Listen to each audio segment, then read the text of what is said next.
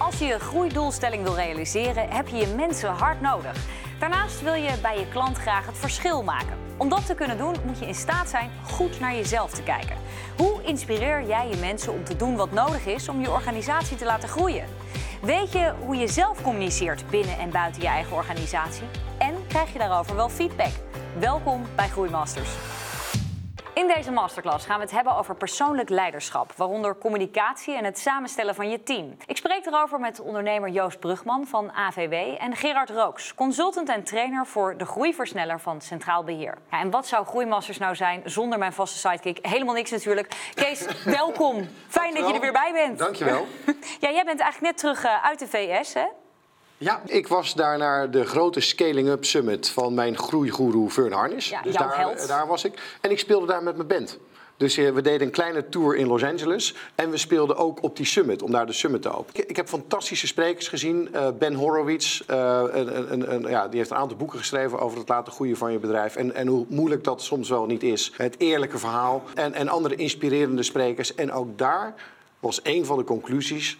Als jij je bedrijf wil laten groeien, dan gaat het vooral om het functioneren van jij, de ondernemer, als leider. En dan moet je ook leiden. Dus ik zit boordevol met ideeën Ja. en inspiratie. Mooie inspiratie voor vandaag. En eh, Vern Harnish, misschien voor de mensen die hem nog niet kennen, eh, heel even kort, wie is het? Waarom is het jouw uh, groeigoe, jouw Nou, die heeft mij ooit in 2002 heeft hij mij, zeg maar, opgeleid hoe ik mijn bedrijven sneller kon laten groeien. Mhm. en, eh, hij heeft een boek geschreven, dat heette toen Mastering the Rockefeller Habits en nu Scaling Up. Ja. Nou, het woord zegt het al, scaling up. Hoe kan je je bedrijf makkelijker, beter, sneller laten groeien? Nou, daar heeft hij een boek en een methode voor geschreven.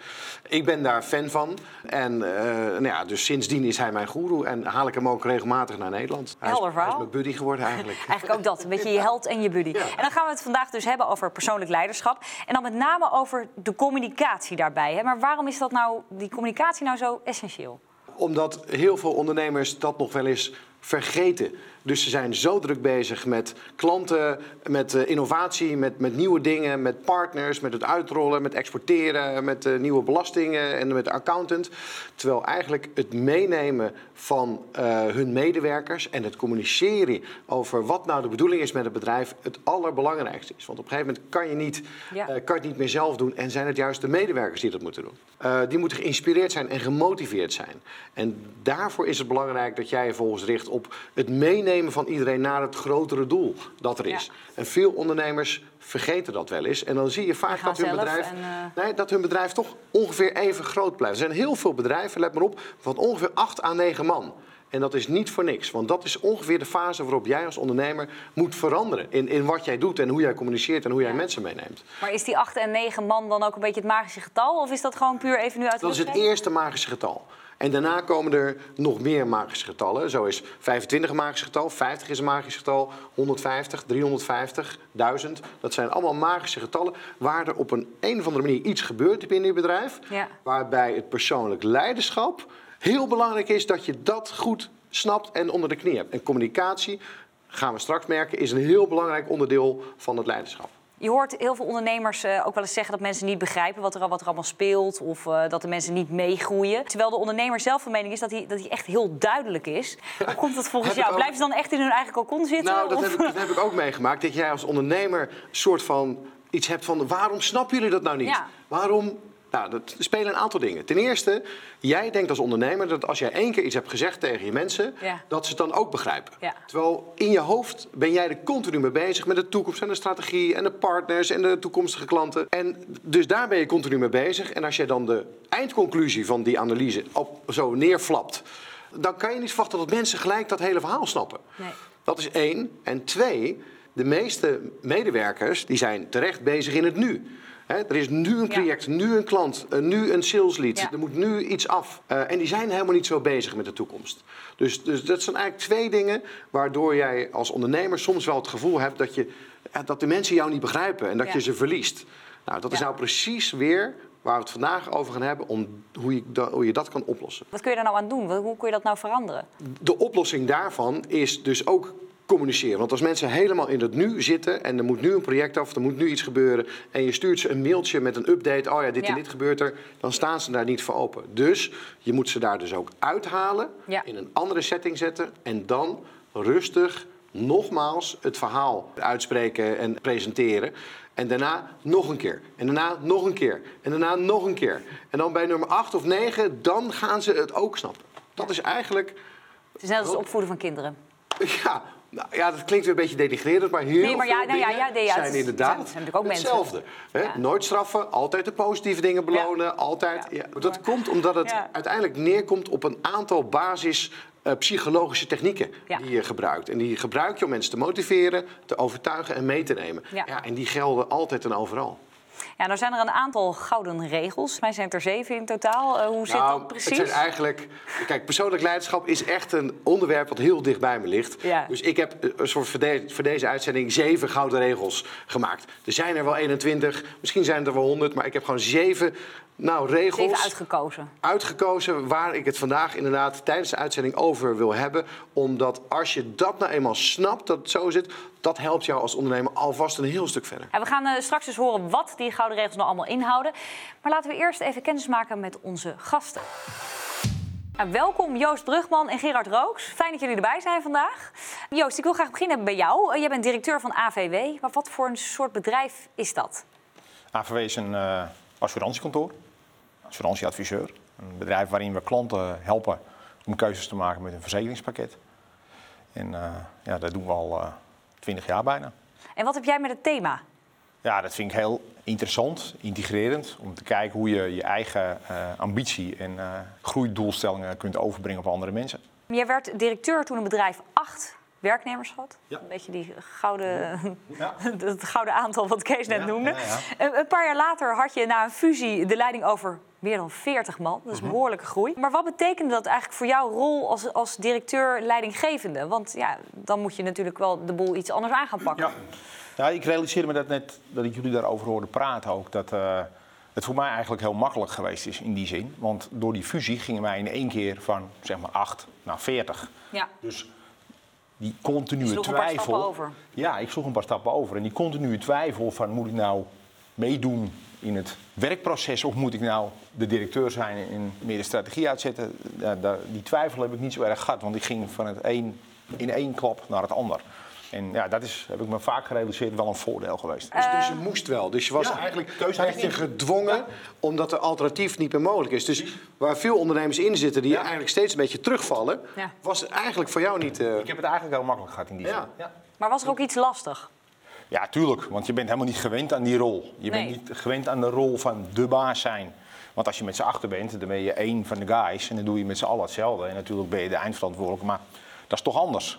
En als je met 40 mensen werkt in je bedrijf en je bent daar de directeur van, ja, dan word je geacht op een iets andere manier te acteren dan dat je Ja. met z'n achter bezig bent. Dus dat, is, ja, dat moet je maar ondervinden. En dat is ook wel, denk ik, in de meeste branches gaat het zo. Je, je bent goed in iets. In mijn geval waarschijnlijk in het adviseren van klanten op het gebied van verzekeringen.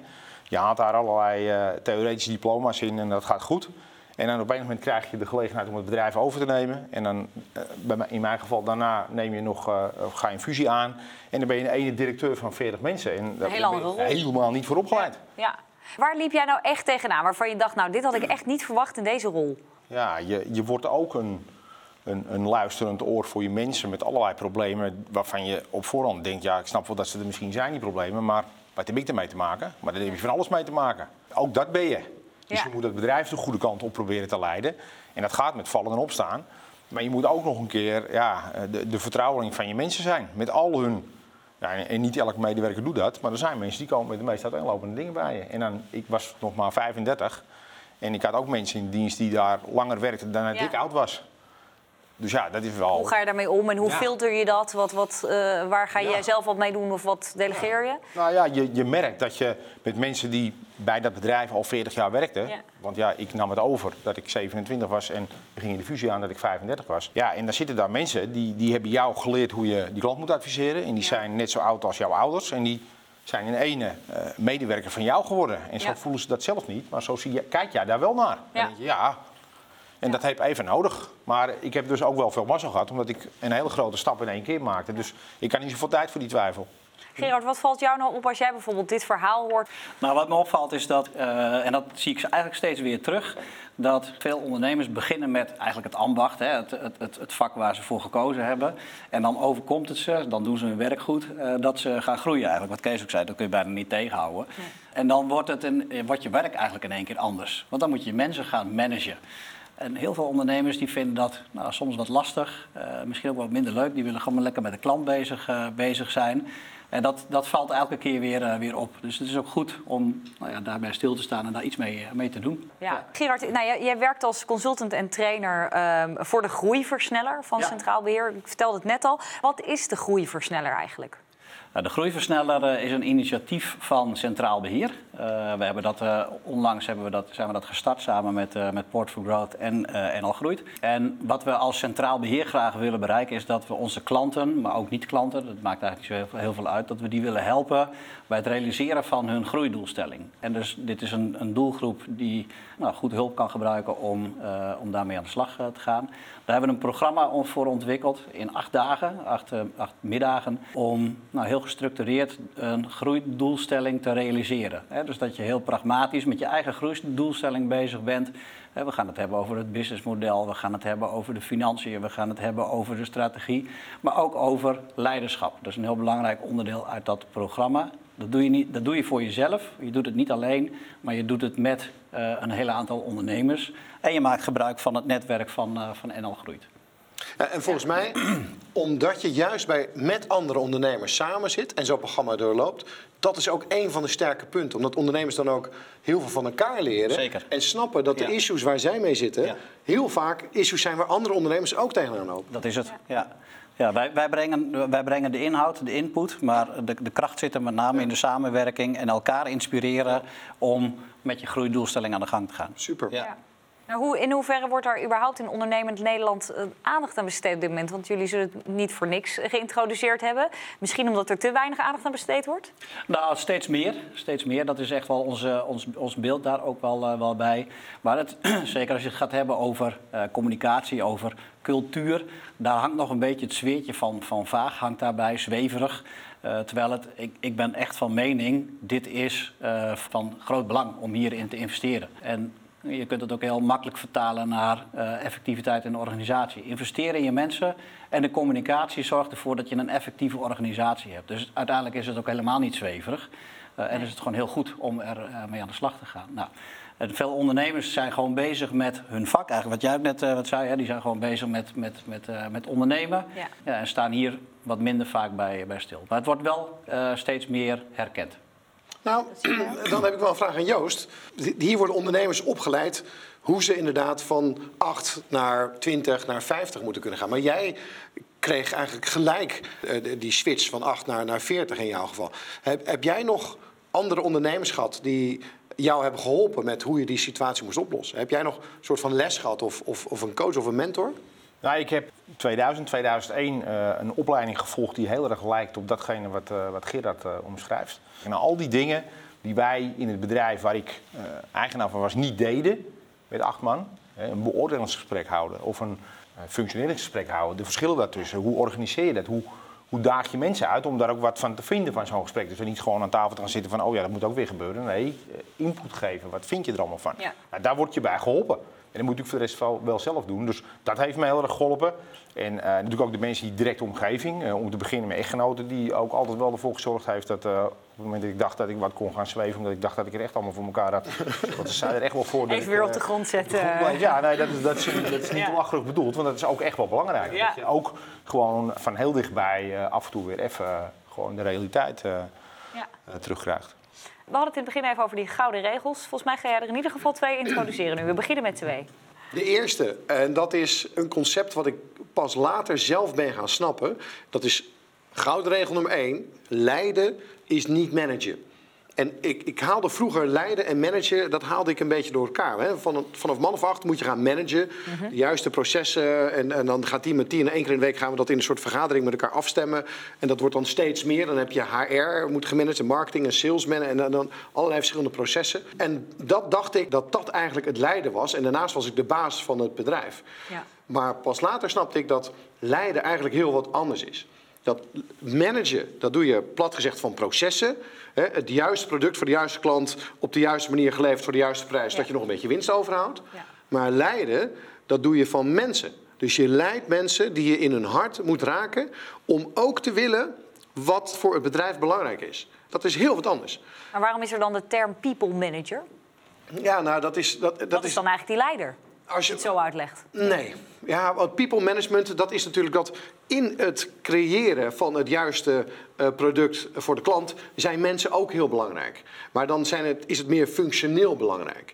En om uiteindelijk je bedrijf te laten groeien en iedereen te laten geloven en gemotiveerd eh, maken om, om ook naar dat doel te gaan van 8 naar 40. Dat is nogal wat. Dan moet iedereen aanpassen, veranderen, eh, een stapje extra doen, eh, dingen anders doen. Veranderen is een van de moeilijkste dingen. En daarvoor moet je leiden. En mensen dus inderdaad raken in hun hart. En hoe we dat dan doen, nou, dat, dat is, dat komt in de andere gouden regels komt dat terug. We hebben ook nog een, een volgende.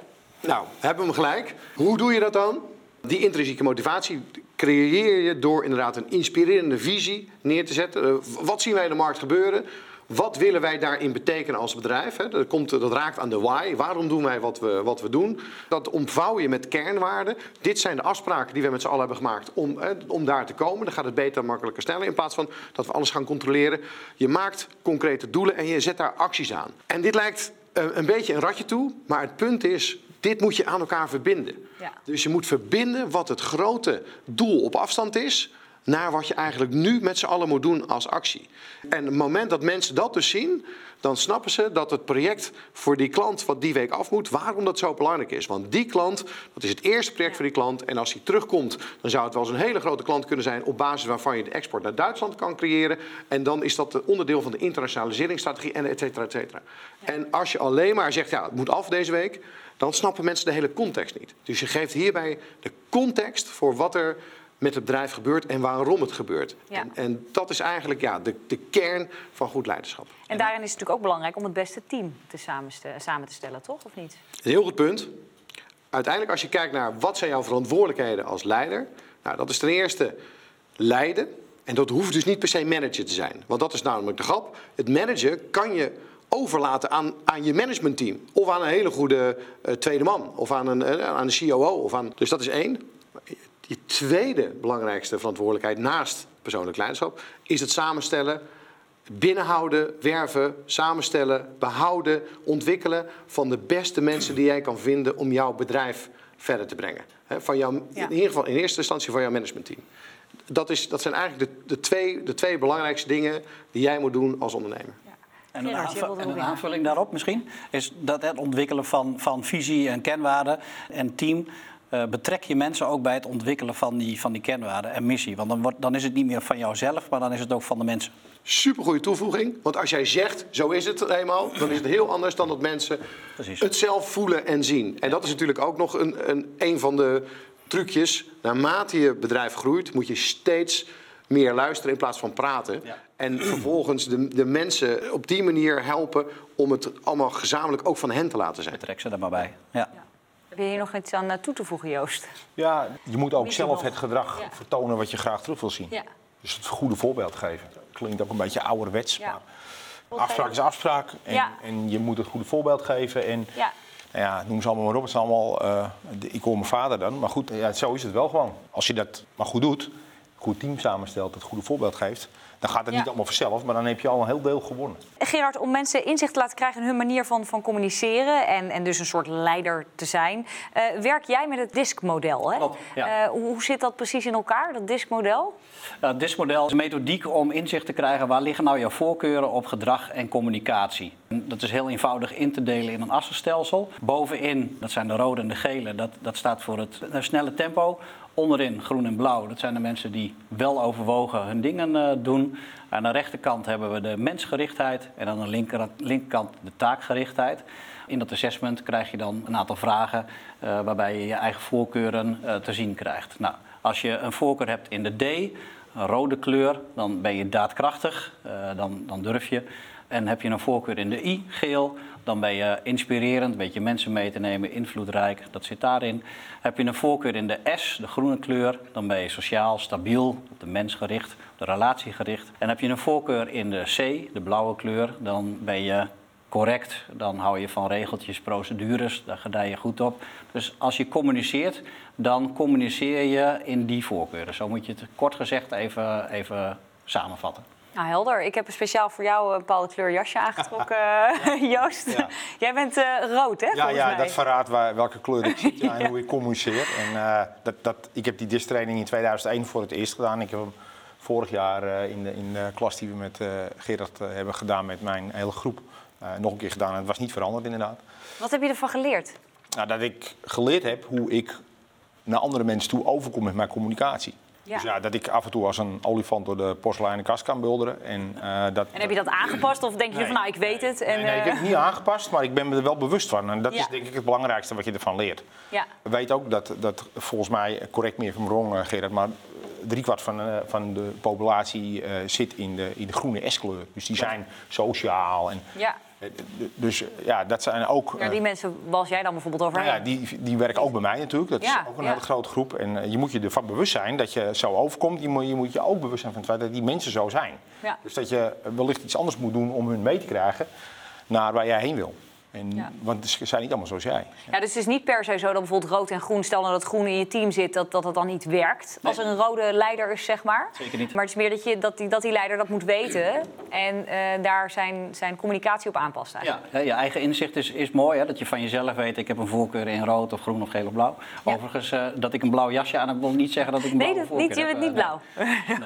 Maar het, het inzicht in, in het team, eh, dat is eigenlijk nog veel belangrijker. En dat als je weet, van, nou 60 of 70 procent van mijn mensen zitten in, in dat groene vlak, je gaat ze niet veranderen of zo, maar je kunt wel je, je, je taal, je taalgebruik aanpassen op die mensen. En dat is, dat is de kracht van, van dit inzicht, dat je een effectief team gaat krijgen, omdat je elkaars taal leert spreken. Kees, jou ook even als eh, voorbeeld eh, pakkende, welke kleur Ik ben eh, heb natuurlijk je? blauw, dat lijkt me heel duidelijk.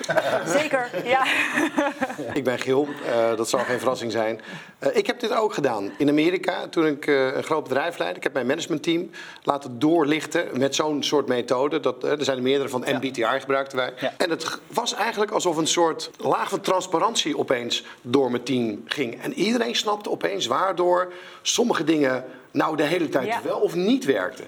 En één persoon die had als eh, karaktereigenschap dat hij eigenlijk niet ergens aan wilde beginnen voordat het helemaal duidelijk was dat het zou gaan werken. Ja. En ik ben precies tegenovergestelde. Ja. Ik heb de visie, Ja. dat gaan we gewoon doen. En dat botste de hele tijd. En toen we op die manier dat duidelijk kregen, toen was het in ieder geval duidelijk en konden we daarover praten. Dus het is super effectief. Ja, ja dat- het voordeel is dat, dat mensen het, eh, met deze inzichten het idee krijgen van... het is geen onwil hoe jij, eh, hoe jij acteert, maar je Dat kunt... dacht ik. je Ik kunt doe het nou gewoon. Ja. ja, ja. Zeg het toch? Gerard, er zijn er ook eh, behoorlijk wat mensen die er een beetje sceptisch tegenaan kijken. Waar is deze methode nou op gebaseerd? Nou, deze me- methode, dit is niet zomaar iets. Het is volgens mij 90 jaar geleden al ontwikkeld op, op Harvard in, eh, in Amerika. Dus het is echt ook eh, inmiddels al miljoenen keren eh, gebruikt. Dus er, er zit ook veel voortschrijdend inzicht zit erin. Maar het is echt wetenschappelijk onderbouwd op, op theorie. Sterker nog, het is in, in de Tweede Wereldoorlog zelfs gebruikt als recruteringsinstrument in het Amerikaanse leger. Dus het heeft zichzelf al bewezen inmiddels. Het heeft zich zeker bewezen. Ja, en, en het voordeel is ook, de mensen die van tevoren wat sceptisch zijn, dat, dat mag, hè, een assessment klinkt ook, eh, ook, ook zwaar. eh, maar dat het eh, eigenlijk altijd een feest der herkenning is. Van, ja, dat klopt helemaal wat hier, wat hier staat. En dat in een paar vragen. Het is denk ik ook een apart sfeer, ook met je, om met je team te doen inderdaad. Ja, absoluut. Ja, want jij hebt hem volgens mij twee keer dus gedaan zelfs. En je Ja. hebt dan in- met je team natuurlijk hem ook Ja. een keer gedaan. Maar waarom vind jij dat nou zo belangrijk om inderdaad dat, daar zoveel aandacht aan te geven?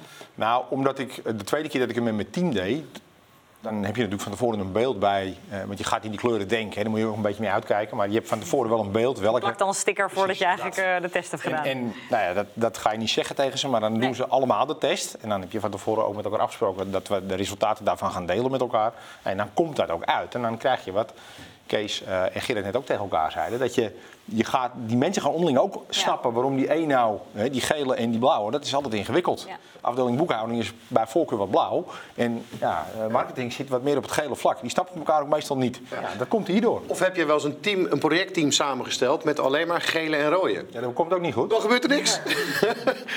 Ja, dus dan moet je eigenlijk het team, dus eh, de, de samenstelling veranderen. Ja, dus daar moeten altijd groene en blauwe bij. Want dan Ja. gebeurt er tenminste wat. Dus als je dan een boekhouder hebt die in geel zit, moet je die dan per definitie ergens anders Nee, neerzetten? Je Of bent geen boekhouder als je in geel zit. Dat, Niet. Dat gebeurt gewoon ga je niet. dat niet doen. Ik heb, wij hebben naast de AVW ook een makelaardij. En, Ja? eh, met name woningmakelaars, eh, dat zijn echt rode mensen. En ja, die, die met de afdeling boekhouding, ja, dat is een hele Maar ingewikkelde combinatie. er zijn er uit die testen allemaal uitslagen gekomen. Heb je ook daadwerkelijk je team veranderd? Nee. Was niet nodig. Je had alle goede mensen op de goede plek zitten. Ja, tuurlijk. Je, je, hebt altijd wel aanmerkingen, maar die hebben ze op mij ook wel. Maar het klopt echt wel dat mensen die een bepaalde taak hebben in je onderneming, Ja. die, die, kleur past echt wel. Dus je had niet zoals wat Kees nu schetste, dat geel-rood bij elkaar in een team en dat werkte niet. Dat, die Jawel, niet jawel. Je, je, je, hebt, je hebt teams en die, eh, soms verander je de samenstelling. Je zegt, joh, jij doet dit, maar misschien kun je beter Ja. daarbij gaan zitten, want dan, dat, dat werkt echt beter. Maar Ja. wat, wat het belangrijkste is, dat mensen inzicht krijgen in hoe ze zelf overkomen, maar ook hoe hun directe collega's in elkaar zitten. Dat, ze gaan elkaar begrijpen. Ja. En nog steeds niet zijn ze hetzelfde, maar ze begrijpen wel waarom die ander zo reageert. Ja. Als je wil weten hoe het is afgelopen. Ik heb hem uiteindelijk geholpen aan zijn volgende baan. Oh, kijk. En die was niet bij ons. was uiteindelijk toch eh, een plekje waar, waar de kleuren Het beter bij elkaar het was onverenigbaar. Dus dat was... eh, Ja, maar die, die beslissing kan je dus ook nemen. Dat het gewoon, gewoon niet, die combinatie. Nou weet jij dus dat je rood bent, dat je over mensen heen kan balsen... of dat je misschien te snel beslissingen neemt. Hoe zorg je er nou voor dat jij die andere kleuren wel de ruimte geeft... eh, naar aanleiding van dit verhaal, deze test? Ja, ik heb mensen om me heen in mijn managementteam die een andere kleur hebben. En daar was ik ook wel van gewend om af en toe overheen te willen gaan. Maar ik heb daar nu wel bij de laatste training eh, me weer goed gerealiseerd dat je daar ook wel ruimte voor moet geven. Want Ja. het is ook wel, ik bedoel, ik heb de wijsheid niet in pacht. Hè? Nee. Als ik nou in staat ben om iedereen een procent of drie, vier beter te laten functioneren dan een idee voordat ik dat van plan was, dan hoef ik volgens mij zelf al niet zo heel veel meer te doen. Nou, dat is natuurlijk niet waar, maar zo Nee. probeer je er ook wel naar te kijken. Is het ook echt zo makkelijk? Of vrij ook wel eens fout in dat je denkt... "God, toch, dat je jezelf gaat weer even terug moet roepen en je gaat denkt... de hele dag eh, fout in. Doe je weer iets en dan denk je, oef, ja, moet je op een dat weer stressmoment bijvoorbeeld, dan gebeurt dat natuurlijk. Dan ga je weer even terug. Ja, we zeiden net voor de uitzending al tegen Ja. elkaar. Als je moe bent of als je gestrest bent, dan val je echt terug in je klassieke rol. Dat zal iedereen wel herkennen. Ja, Ja. dat doe ik natuurlijk ook. Ja. Maar je team kan wel beter inschatten waarom je zoiets doet. Ja. Ja, en die zijn ook wel meer. dat je moe bent en dan... Ja, en ze durven ook meer ja. dan uh, tegenin te gaan, omdat ze weten dat het maar uh, he, daardoor Ja. komt. Eh, Spreken mensen, je personeel, je wel eens aan op bijvoorbeeld op jouw gedrag? Ja. Als er dus zoiets gebeurt? Ja, en dan natuurlijk niet allemaal, hè. Nee. Uh, maar de mensen die er lang bij zitten en die uh, dichtbij zitten, die zijn bij mij gelukkig wel uh, in staat om op mijn schouder te tikken en te zeggen: Ik weet het niet, maar. En dat vind ik ook belangrijk. En ik vind het ook bijna ja, verwijtbaar als dat die mensen dat niet doen. Ja. Ja, kom op nou. Ik bedoel, Ja. zo. Uh, Ja, zo dus je vraagt er bijna echt om Ja. bij de mensen van... joh, geef me ook nou. die feedback. En dan moet je Ja. ook, als het gebeurt, moet je er wat Ja. mee doen. Dan moet je ook dankbaar zijn voor die opmerkingen. En niet uh, vanuit het idee, uh, ik ben de baas en we doen wat ik zeg. Want dat is al een tijdje geleden Ja. uit de mode geraakt. Als nou dit allemaal gebeurt in je bedrijf, wat doet het uiteindelijk met de groei? Met de groei. In de meeste gevallen uh, zou ik bijna willen zeggen, zorgt het er ook voor dat je, wat ik net al zei, dat je een effectiever team gaat, uh, gaat krijgen. Nou, dat heeft, nou, ik wil bijna zeggen, per definitie invloed op de groei van je onderneming. Ja. He, dus op het moment dat je het niet doet, ja, dan loop je toch wat langs elkaar, uh, langs elkaar heen. Dat doet iets met de effectiviteit in de organisatie. Dus de bedrijven die wij getraind hebben, nou, daar komen we natuurlijk ook, uh, ook weer terug. Daar zien we toch wel uh, dat daar een sp sprake is van, uh, van groei. Kees, jij staat volgens mij echt te trappelen om de volgende twee gouden regels, drie gouden regels Nee, te delen. nummer drie. Oh, nummer, Nummer drie. drie. Oh, ik denk al komen er nou in één keer drie. De derde gouden regel is dat uiteindelijk mensen binnen je bedrijf die willen aandacht. Die willen aandacht van jou en daar moet, je, daar moet je tijd voor maken. Je moet rondlopen, je moet er zijn, je moet, je moet dingen zien, je moet feedback geven. Je moet, nou, dat, dat, is, dat is één. Ten tweede, wat ook belangrijk is, salesmensen. Nou, jij, Joost, jij bent ook een salesman.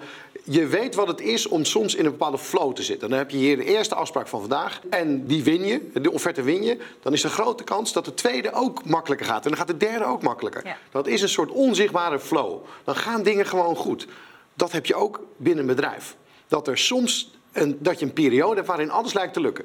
Die persoon die wil graag bij je werken. Een concurrent die, die belt je op en die zegt: Hoe doen jullie dat nou allemaal? Die wordt helemaal gek. Je wint een grote offerte, je wint een grote tender. En alles lijkt een beetje mee te zitten. Dat is vaak niet toevallig. Dat kan jij als leider kan jij beïnvloeden. Ik deed het vroeger precies tegenovergesteld, want ik was altijd over aan het zeuren. We aan het zeuren, ja, wel mooie offerte, maar dit, maar dit. Ik was een beetje zeikerd waar het ging om dingetjes. Nou, dat kan je als leider kan je dat dus veranderen door met name continu alle positieve dingen te benoemen. De kleine succesjes te benoemen, de grote succesjes te benoemen, mensen aandacht geven, mensen in het zonnetje te zetten. Ja. En dan gaan dingen opeens veel makkelijker en vanzelf. Dus, eh, dus zelf dat goede voorbeeld geven en inderdaad Nou, inspireren. dat is nummer vier. S- eh, zelf het goede voorbeeld geven. Joost Nou, gaf dit vind ik inderdaad wel een goed voorbeeld. Joost gaf hem al weg in het begin. Want die zegt, ja, maar je moet natuurlijk wel zelf het goede voorbeeld geven. Want ja, mensen hebben dat toch wel door. En dat is namelijk precies wat het is. Je kan nog zo'n goede leider zijn met je mond.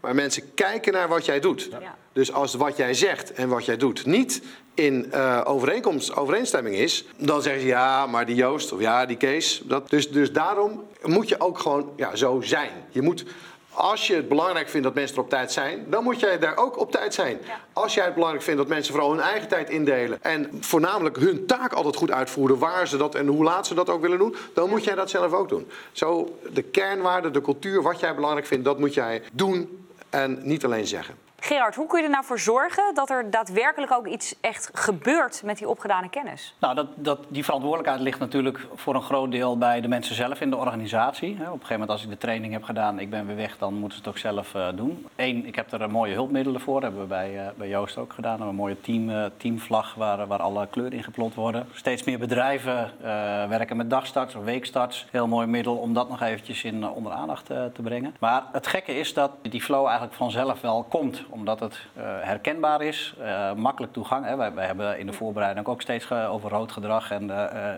het, is, heel herkenbaar. En dat gebeurt ook op de werkvloer. Dus Dus je herinnert elkaar er wel aan, Ja. elke keer. dat gaat Ja. vanzelf. En als je in staat bent om dat vast te houden. Hè, we, we werken wel eens met, met kaartjes waar de, de profielen op staan, de kleuren op staan. Dat je even weet van oké, ik ga nu naar Joost toe. die, die is, die Ik heb een afspraak met een rood iemand. ja, hoe ga ik daar nou op acteren? En, en wat we heel vaak terugzien is dat de organisaties waar we die training hebben gedaan, dat dat ook echt gebeurt. En daar zie je echt een hele andere manier van communicatie ontstaan. Dus dat is su- super gaaf om te zien. eh. En misschien gaat deze vraag wel heel ver hoor, maar bij je klanten, ga je daar dan ook bij je klanten zo naar kijken? Ja, Dus het helpt je ook met het slagen van een wel, ja. verkoopgesprek, Ja. bij wijze van. Ja, dat denk ik wel. Ja. Kees, eh, heb jij hier nog een aanvulling op? Ik wil dat laatste nog wel even zeggen, want ik heb ook een aantal sales trainers ooit binnengehaald en gedaan. En inderdaad, het moment dat jij rood wil verkopen aan een groen iemand, ja, dat werkt niet. Dus die persoon wil data, informatie en duidelijkheid. En iemand anders, een rood persoon, die gaat mee op het idee en over een, op een vergezicht. Dus dat zijn twee verschillende technieken. En dat is namelijk ook precies wat er ja, in je bedrijf gebeurt. Waardoor als jij je boodschap verpakt, hoe jij communiceert, moet je dat ook op verschillende manieren doen. Dat iedereen, iedere kleur, dat op die manier ook snapt en begrijpt. Nou, dus je hebt een groen verkoopgesprek, een geel verkoopgesprek en een Ah, blauw je, moet, je moet wel uitkijken dat je er natuurlijk niet een spelletje van gaat maken. Nee, van, nee. hè, dat is- dat Nee. gedrag moet wel een beetje natuurlijk gaan worden. Maar Ja, is- ben je aan het acteren. Dat is zeker wel waar. En je herkent natuurlijk voordat je die training doet ook wel dat de ene klant is, de andere klant niet. Hè. De Ja. ene klant die wil echt al die data en die wil het allemaal uitgeschreven hebben. En de andere klant die gaat mee op, op jouw verhaal. Ja. En nu weet je dat dat heeft te maken met, met hoe iemand eh, communiceert, hoe iemand is. Ja. En rood en blauw. Maar je moet wel heel erg uitkijken dat het op een gegeven moment niet het spelletje van rood en geel en blauw wordt. Eh, het is wel heel leuk om, om een beetje de wetenschap te krijgen achter datgene wat al, al wel langer in je gevoel zit. Ja, Ja, als jij een klant hebt die zegt van ik, ik zou het plezierig vinden om we samen even naar het voorstel gaan kijken, dan weet je, ah, dat is iemand, waarschijnlijk, waarschijnlijk hebben we een voorkeur in de groene kleur. En als je dan zelf een voorkeur in rood hebt, dan zeg je nou, we regelen het al even. Ja, dat, dat slaat niet aan. Nee. Dus dat is Je moet anticiperen op het gedrag meegaan en in- communicatie van je klant. En dat is geen spelletje inderdaad, maar dat is gewoon je inleven in de klant. ja. Kees, we hebben nog een eh, volgende gouden tip. De les die ik als eerste van Vern Harnish kreeg, eh, die vroeg aan mij, Kees, hoe vaak heb je nou iedereen bij elkaar dat jij het hebt over de toekomst en de strategie en de kernwaarden? En toen zei ik, nou, dat twee keer per jaar. Vond ik wel goed, hè? want normaal één keer per jaar, het grote strategische plan. Dan zei hij, iedere maand. Iedere maand met de mensen bij elkaar en dan ga jij vertellen over de kernwaarden, waarom je doet wat je doet, wat de belangrijkste doelen zijn op korte termijn, op lange termijn. Je neemt ze mee in dat verhaal. En dat is namelijk net het verschil inmiddels Eh, toen had je nog geen Netflix, maar tussen of een film kijken en je gaat met z'n allen naar een film en je zit, oh ja, leuk film, bam, we gaan weer aan het werk. Of een Netflix-serie kijken waarin je eigenlijk na de aflevering eigenlijk al gelijk de volgende aflevering wil, wil zien. Dan word je meegenomen in een feuilleton. Als je nou de mensen binnen jouw bedrijf kan meenemen in het feuilleton, dan heb je ze te pakken. Waar staan we? Wat doen de concurrenten? En oh, wat zouden we vorige maand doen? Wat gaan we waar gaan we naartoe? En dan snappen mensen eh, opeens het hele spel wat er gespeeld wordt met je bedrijf. En dat doe je niet door een memo te schrijven. Dat doe je niet eh, door dat eh, vijf minuten even. Nee, dat, dat doe je door het goed persoonlijk te vertellen aan iedereen. Open vragen of vragen beantwoorden. Ik deed het één keer per maand en dat was fantastisch. En je ziet dat de meeste snelle groeiers ter wereld, van Mark Zuckerberg tot met Pieter Zwart van, van Coolblue, die doen dit allemaal. Ja. Die snappen dit, die doen dit. Eh, Joost, als jij jezelf nou vergelijkt hè, met de Joost die het bedrijf ooit overnam, wat je net schetste, eh, van 8 in één keer bij die 40. Wat zijn nou de verschillen als je kijkt naar de manier van leiding geven van toen en nu? Ja, je bent natuurlijk heel erg veranderd, maar ik denk dat iedereen verandert als hij ouder wordt. En ik, ik denk dat ik het veel meer loslaat dan dat ik het eh 25, 30 jaar geleden deed. En eh, ik vertrouw er veel meer op dat mijn mensen eh, de juiste dingen, de juiste beslissingen nemen. En ik probeer ze ook altijd voor te houden. Eh, de allerslechtste beslissing is als je geen beslissing neemt. En de één na slechtste beslissing is de verkeerde beslissing.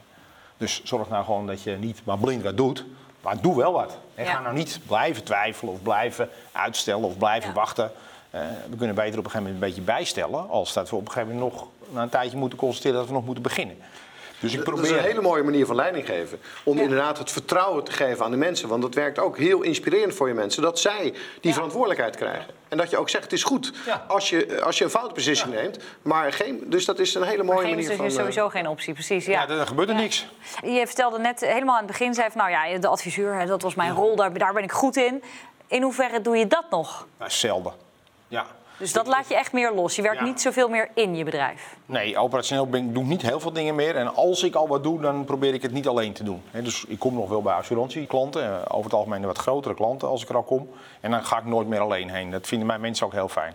Ja. Als ik er alleen heen ga, dan kom ik meestal terug met de helft niet geregistreerd of gedaan. Of tenminste in elk geval niet het op moet. jouw maniertje. Ja, precies. eh, heel rood, zeg maar. Hè. Dus eh chaos een beetje dan. Ja. Ja. Nou, dat is inderdaad, hoe, hoe is, eh, hoe is jouw leven veranderd na Disk? Hoe mijn leven na disc veranderd is. Nou, met name het inzicht wat ik, eh, wat ik gekregen heb. Eh, ik weet nu veel beter waar mijn competenties liggen en waar ik goed ben, in ben en waar ik ook beter van af kan, eh, kan blijven. Dus dat, Ja. dat heeft disc mij gegeven. Ja. Kees? Nou, laat ik zeggen, als ik het brede pak voor mezelf. Als ik terugkijk naar, me, naar mezelf, hoe ik twintig jaar geleden leiding gaf. Of hoe ik, ja, dan was ik eigenlijk een beetje een prutser. Ik was eigenlijk, ik deed heel erg hard mijn best. Ik werkte heel hard en heel vaak aan de verkeerde dingen. En toen, ja, ik denk wel eens, als ik toen had geweten wat ik nu weet, dan had mijn leven veel makkelijker geweest. En, en ja, nogmaals, daar komt een van mijn, mijn drive eh, vandaan om andere ondernemers dat ook duidelijk te maken. Maar ja, Ja. soms moet je de fouten eerst zelf maken, zelf tegen de muur Ja. aanlopen voordat Ja. je het snapt. En eh, ja, nogmaals, bijvoorbeeld zo'n methode als DISC of, of zo'n andere methode, ja, dat had ik dat maar veel eerder gebruikt. Want dan had ik gesnapt wat hier allemaal zich afspeelde. En, en ik dacht allemaal, ja, dat is politiek of dat is moeilijk. Het heeft gewoon met de persoonlijkheid te maken van mensen die is voorgeprogrammeerd. En daar moet je mee om leren Ja. gaan. Dus eigenlijk moet het op de basisschool al meegegeven worden, die Disk. Dat is echt een heel mooi Dat zou doel. ook mooi zijn. Dan laten maakt het dat leven van doen. iedereen veel beter. Ja. Nou, jij hebt eh, inmiddels ook eh, weer twee gouden tips voor ons. Volgens mij twee, hè? Ja, twee. Nummer 6. En toevallig was ik eh, van de week bij een eh, relatief bedrijf dat heel snel is gegroeid. Van, eh, van 300 naar 600 man. En ik heb daar een, eh, een gesprek gehad met, eh, met de twee ondernemers die daar eh, achter stonden. En die vroeg, ja, maar hoe doe je dat nou precies dan met je team, met je leiderschapsteam? Want dan hebben we een vergadering en die duurt eigenlijk anderhalf uur. Maar die duurt altijd vier uur bij ons. En hoe ga je daar nou mee om met die tijd? En, en ik heb aangegeven wat voor mij altijd heel goed heeft gewerkt. Dus een hele, hele zeg maar, strenge tijd qua vergaderen. Maar daarnaast altijd wel even 20 minuten één op één zitten met iedereen uit je team. Want iedereen wil even die persoonlijke feedback horen. Die wil even toch persoonlijke dingen eh, zeggen. Ja. Dus naast een strikte vergadering... altijd 20 minuten één op één of een half uur... om even met die persoon de dingen uit te wisselen... die voor die persoon belangrijk zijn. En wees jezelf. Ja, die hebben we al een, een beetje eh, behandeld bij geef het goede voorbeeld. Maar hier bedoel ik eigenlijk wat anders mee. Als je managementboekjes leest en als je boekjes leest over leiders, dan denk je wel eens als ondernemer, ja, maar zo, zo ben ik niet. Ik ben niet charismatisch of ik ben niet dat of, of en, en, dat, dat willen ze dan wel of niet proberen. Maar dat hoeft niet. Want mensen die doorzien snel genoeg of jij een trucje doet of niet. Ja. Als je technieken toepast, bijvoorbeeld veel spreken naar jouw mensen één keer in de maand, dan kan je dat doen als jezelf. Dan hoef je dat niet, je hoeft niet iemand te proberen te worden die je niet bent. Er zijn heel veel verschillende soorten leiders die heel effectief zijn. En eh, jij moet vooral authentiek zijn. Ja, technieken toepassen, maar niet acteren. Precies. Mooie samenvatting. Dat, dat is eigenlijk wat het Ja, is volgens mij. hè? Ja, dat was de zevende tip. Ehm, heren, we kunnen hier natuurlijk echt eh, nou, uren over doorpraten. Maar laten we gewoon maar naar de boekentip gaan. Want die hebben jullie natuurlijk ook bij jullie, een boek.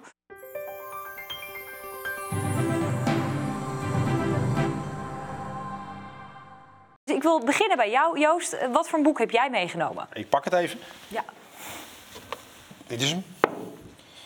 Er is geen held voor nodig. Dat is een eh, boek geschreven door eh, generaal aanvoerder van het... Geen managementboek? Geen, eigenlijk? nee, geen managementboek.